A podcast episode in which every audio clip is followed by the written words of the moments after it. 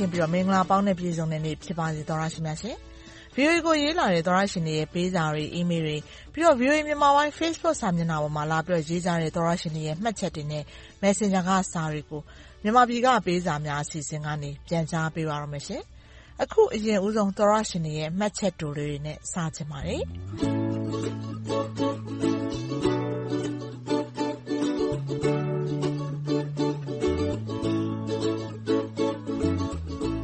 Kwame Ong ဆိုတဲ့သောတရှင်ကတော့တိုင်းရင်းသားနာမည်ဖြစ်ပါတယ်။ဒီမှာအသံထွက်မှတ်မှန်ရင်ခွင့်လွှတ်ပေးပါနော်။ဒီသောတရှင်က VOA ကိုအစဉ်အမြဲအားပေးနေပါတယ်တဲ့။အရင်အကောင့်ပျက်သွားလို့အခုအကောင့်သစ်နဲ့အားပေးပါတယ်ဆိုပြီးရေးလာပါတယ်။ဟုတ်ကဲ့ပါ။ကျေးဇူးအထူးတင်ပါတယ်။ကိုမျိုးဆိုတဲ့သောတရှင်ကတော့အမေရိကန်တော်ကြောင့်နဲ့ VOA ကမိတ်ဆွေများကျန်းမာပါစေတဲ့။ဟုတ်ကဲ့နေကောင်းကျန်းမာပါတယ်ကျေးဇူးတင်ပါတယ်ရှင်။သူက VOA ကထုတ်လွှင့်တဲ့ကမ္ဘာသတင်းတွေနားထောင်ရတာဘုသူတအများကြီးရပါတယ်။မြန်မာပြည်ကြီးလည်းအေးချမ်းပြီးတော့အဆင်ပြေချင်ပါပြီ။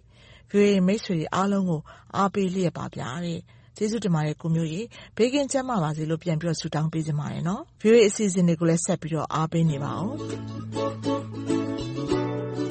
။ VOA အစီအစဉ်တွေကိုအမြဲအားပေးလျက်ပါဆိုပြီးတော့ချင်းတောင်တိုင်းကသောရရှင်ကတော့နာမည်မဖော်ပြပါနဲ့တဲ့။ VOA ကိုမနေ့ညနေနေ့တိုင်းသတင်းတွေနားထောင်နေပါတယ်။အကြိုက်ဆုံးကတော့ဦးအောင်ခင်ရဲ့မြန်မာ့အရေးသုံးသပ်ချက်တွေပဲဖြစ်ပါတယ်။အင်တာနက်လိုင်းမရတော့ရေဒီယိုကလေးပဲအားကိုးနေရတယ်။ ဒါမှနေ့တိုင်းသတင်းထူးသတင်းမှန်ရဖို့မပြတ်မှာလေ။ဒါပေမဲ့လည်းဓာတ်ခဲလဲသယ်ယူလို့မရတာကလည်းအခက်အခဲတခုပါ။ VOA ကိုပေးစာကဏ္ဍကနေရေးဖို့မသိလို့ Messenger ကနေရေးလို့ရတယ်လို့ကြားလို့ရေးလိုက်ပါတယ်။ VOA ဝိုင်းတော်သားများစိတ်ကြည်လင်ဝမ်းမြောက်စွာနဲ့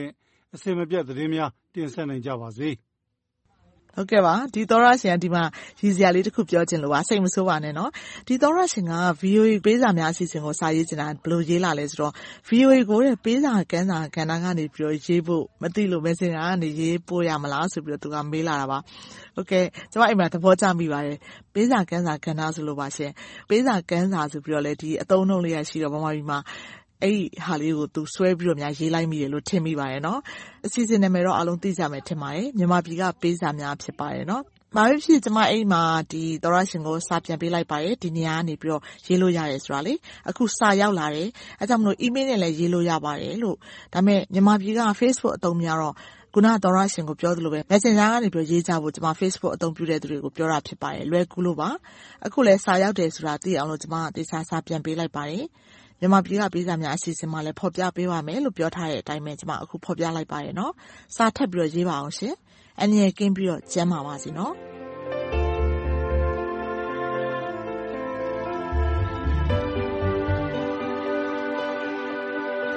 မြန်မာနိုင်ငံမှာ နေ့စဉ်ဖြစ်ပေါ်နေတဲ့ နိုင်ငံရေးအခြေအနေတွေ နောက်ပြီးတော့ နေ့စဉ်ကျင်လည်ရာဘဝမှာ တွေ့ကြုံနေရတဲ့ လူမှုရေးရာကိစ္စ အဝဝနဲ့ ပတ်သက်ပြီးတော့သရရှင်တွေ ကိုပိုင်ထင်မြင်ယူဆချက်ကို ရေးလာစာတွေကိုလည်း ကျမတို့ လက်ခံရရှိပါတယ်။အဲ့ဒီထက်ကစာတချို့ကို ဆက်ပြီးတော့ ဖော်ပြပေးသွားခြင်းပါတယ်။ view ကို စာရေးတာ ဒါပါနဲ့ဆို နှစ်ခါရှိပါပြီ ဆိုတော့ရွှေညောင်သားလေးကတော့ သူ့ရဲ့ဒီမြန်မာနိုင်ငံမှာ လက်ရှိဖြစ်ပေါ်နေတဲ့ အခြေအနေတွေနဲ့ ပတ်သက်ပြီးတော့ သူ့အခြေအနေကို ဝေမျှပြီးတော့ ရေးလာပါတယ်။ ခုမြန်မာပြည်မှာ အငတ်ဘေးကြုံနေရတဲ့နေရာတွေဆို စစ်ဘေးရှောင်နေရာတွေက များပါတယ်။ကျွန်တော်တို့ငယ်ငယ်က အချိန်ကို ပြန်သတိရမိပါတယ်။၁၉၇၂ ဝန်းကျင်လောက်ကလို့ ထင်မိပါတယ်။နေဝင်းစစ်အစိုးရက ဆန်စပါးတွေ နိုင်ငံခြားထုတ်ရောင်းလို့ တနိုင်ငံလုံး ထမင်းငတ်ခဲ့တာလေ။ကျွန်တော့်အဖိုးအဖွားတွေက လယ်သမားတွေပါ။လယ်ဧက ၈၅ ဧက လုပ်ပါတယ်။မနက်စာမြုပ်ညဘက် ထမင်းစားခဲ့တယ်ဗျာ။ခုလည်း ကျွန်တော် အသက် ၆၁ နှစ်ရှိပါပြီ စစ်အစိုးရလက်ထက်မှာတော့ အချစ်ပါငတ်နေပြီဗျ။ကျွန်တော့်ဇနီးက ရန်ကုန်မှာ၊သမီးနဲ့ကျွန်တော်က ထိုင်းမှာ။သားသမီးတွေနဲ့ပါ ပြန်မရ သွားမရ ထမင်းငတ်တာရော အချစ်မိသားစုပါ အငတ်ဘေးကြုံနေရပါပြီ။ဦးနေဝင်းထက် အခု စစ်အာဏာသိမ်းခေါင်းဆောင်က သာသွားပြီ။စာရှည်သွားရင် ခွင့်လွှတ်ပါ။ VOA အဖွဲ့သားတွေအားလုံး ပျော်ရွှင်ချမ်းမြေ့ကြပါစေ။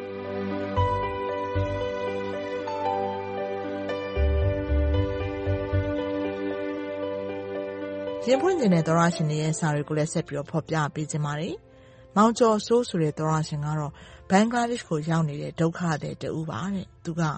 ကျွန်တော်ကဘင်္ဂလားဒေ့ရှ်ကိုရောက်နေတဲ့ဒုက္ခသည်တယောက်ပါ။ VOA မှာရင်ဖွင့်ချင်လို့ပါဗျာ။မွေးခဲ့တာကဇာတိမြန်မာပြည်။နေတာကဒုက္ခသည်စခန်း။ကျွန်တော်တို့ဒုက္ခသည်စခန်းထဲမှာတသက်လုံးနေရတော့မှာလား။မြန်မာပြည်မှာဘယ်သူတက်လာတက်လာတာဝန်ယူမှုတာဝန်ခံမှုရှိရမှာလေ ဘာကိုမှ တာဝန်မယူနိုင်ရင် အနာဂတ်မြန်မာပြည်ရဲ့ အခြေအနေဟာ ပိုဆိုးလာမှာ သေချာပါတယ်။ရိုဟင်ဂျာတွေ နိုင်ငံတောင်းနေတာ မဟုတ်ပါဘူးခင်ဗျာ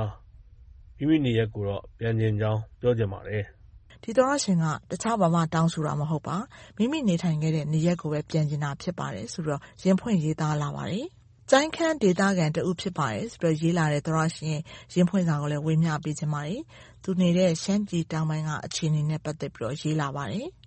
ကျိုင်းခမ်းဒေသ ရပ်စောက်မြို့နယ် ရှမ်းပြည်နယ်တောင်ပိုင်းမှာ ဖြစ်နေတဲ့ ဖြစ်ရပ်ဆိုးတွေကိုမြက်ကမ်းနေသရွေ့ ဒီထက်ဆိုးလာမယ့် အခြေအနေတွေဖြစ်လာဖို့ စောင့်နေသလိုပဲဖြစ်နေမှာပါ။ဗိုလ်ချုပ်မှူးကြီးမင်းအောင်လှိုင်ကို တွေ့လို့ပြောခွင့်ရရင် ပြောပြလိုက်ပါ။လူငယ်တွေ လူကြီးတွေ ပိုပိုဆန့်ကျင်ပြီး ဆန့်ကျင်ဘက်ဖြစ်လာတဲ့အပေါ် ဘာမှ တုံ့ပြန်မနေပါနဲ့လို့ သူပြောသလို ချမှတ်ထားတဲ့ စည်းမျဉ်းစည်းကမ်း ဥပဒေတွေကို သူ့လက်အောက်က လူတွေကိုယ်တိုင်က ချိုးဖောက်နေတဲ့အပေါ် အမြစ်ပြတ်အောင် လိုက်မလုပ်သရွေ့တော့ မျက်စိမှိတ်ထားသရွေ့တော့ ကျနော်တို့တွေက ဆန့်ကျင်တဲ့ဘက်ကို ပိုရောက်လာမှာ ဖြစ်ပါတယ်လို့ ပြောပေးပါ။စစ်ကောင်စီက ခန့်အပ်ထားတဲ့သူတွေ သူတို့ဒေသမှာ ဘယ်လိုအခြေအနေတွေနဲ့ အုပ်ချုပ်နေကြတယ်ဆိုတဲ့အကြောင်းကိုဒီသောတရှင် ရင်ဖွင့်ပြီးရေးသားလာတာ ဖြစ်ပါတယ်။မန္တလေးက သောတရှင်တယောက် ရင်ဖွင့်လာတဲ့စာကိုလည်း ဆက်ပြီးဖော်ပြပေးချင်ပါတယ်ရှင်။အခု စားဝတ်နေရေး အထူးကျပ်တည်းနေတဲ့ခေတ်မှာ အွန်လိုင်းကနေ လိမ်ညာငွေယူတဲ့ ဖြစ်ရပ်တွေ ပိုတွေ့လာရပါတယ်ဆိုပြီး VOA သောတရှင်တွေကို သတိပေးလာတာ ဖြစ်ပါတယ်။“ကျနော်က ဇော်ဇော်ပါ။ မန္တလေးကပါ။အခုတလော Facebook မှာ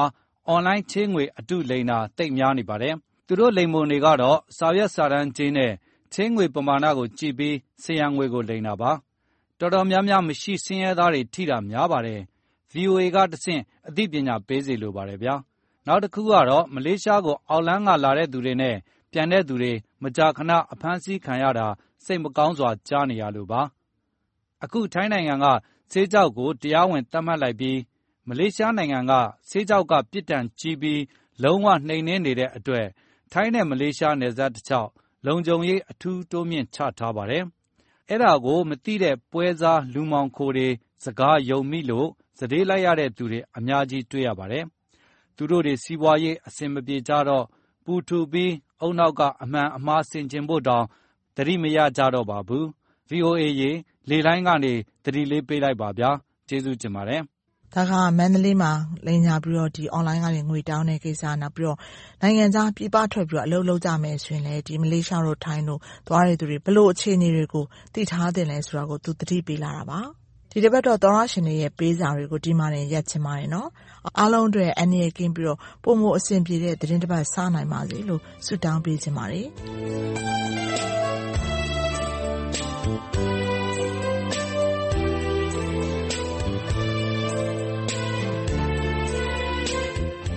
VOA မြန်မာပိုင်းရဲ့ရုပ်မြင်သံကြားနယ်ရေဒီယိုစီစဉ်တင်ဆက်မှုတွေနဲ့ ပတ်သက်ပြီးတော့ အကြံပေးဝေဖန်ခြင်းနဲ့ ပြီးတော့ ကိုယ်တိုင်တွေ့ကြုံနေရတဲ့ဖြစ်ပျက်တွေ နိုင်ငံရေး အခြေအနေတွေနဲ့ ပတ်သက်ပြီးတော့ ကိုယ်ပိုင်ထင်မြင်ယူဆချက်တွေ ရင်ဖွင့်စာတွေ ရေးစင်ကြတယ်ဆိုရင်တော့ ကျမတို့ VOA ကို စာရေးသားဖို့ ဖိတ်ခေါ်ပါတယ်နော်။ email ကနေ စာရေးမယ်ဆိုရင် bami@voanews.com ကို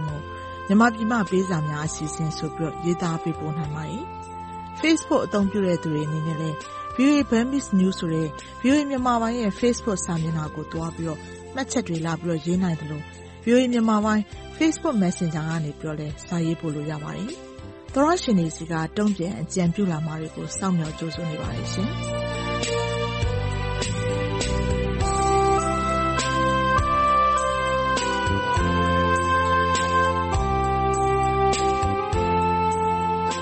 မြန်မာနိုင်ငံနဲ့နိုင်ငံတကာကရေးသားပေးပို့လာတဲ့ VOA မြန်မာပိုင်းသောတရှင်တွေရဲ့ဝေဖန်အကြံပေးစာတွေ၊ရင်ဖွင့်စာတွေနဲ့ဒေသချင်းတောင်းလွှာတွေကိုတနင်္ဂနွေနေ့ညပိုင်းနဲ့တနင်္လာနေ့မနက်ပိုင်းအချိန်တွေမှာမြန်မာပြည်ကပေးစာများအစီအစဉ်ကနေထုတ်လွှင့်တင်ဆက်ပေးနေပါတယ်။ရေဒီယိုကနေဖမ်းယူနားဆင်နိုင်တဲ့အပြင်ရုပ်မြင်သံကြားကနေလည်းထုတ်လွှင့်ပေးနေသလို VOA မြန်မာပိုင်း Facebook စာမျက်နှာနဲ့ YouTube စာမျက်နှာတို့ကနေလည်းထုတ်လွှင့်ချိန်နဲ့တပြိုင်နက်တည်းတိုက်ရိုက်နားဆင်နိုင်ပါတယ်။ လွှင့်ထုတ်ပေးခဲ့ပြီးတဲ့အစီအစဉ်တွေကို Facebook နဲ့ YouTube ပေါ်မှာပြန်ပြီးနားထောင်နိုင်သလို VOA အင်တာနက်စာမျက်နှာနဲ့ဖုန်းပေါ်က VOA App တွေမှာလည်းသွားပြီးနားထောင်ကြည့်ရှုနိုင်ပါတယ်။ကျမတို့ရဲ့ VOA App နာမည်က VOA Burmese ဖြစ်ပါတယ်။ကျမတို့ရဲ့အင်တာနက်စာမျက်နှာလိပ်စာက burmese.voanews.com ဖြစ်ပါတယ်။ကျမအေးသန္တာကျော်ပါ။ VOA ကိုလည်းစာရေးကြပါအောင်နော်။သောရရှင်တွေအားလုံးဘေးအန္တရာယ်ကင်းရှင်း၊ရွှင်လန်းချမ်းမြေ့ကြပါစေရှင်။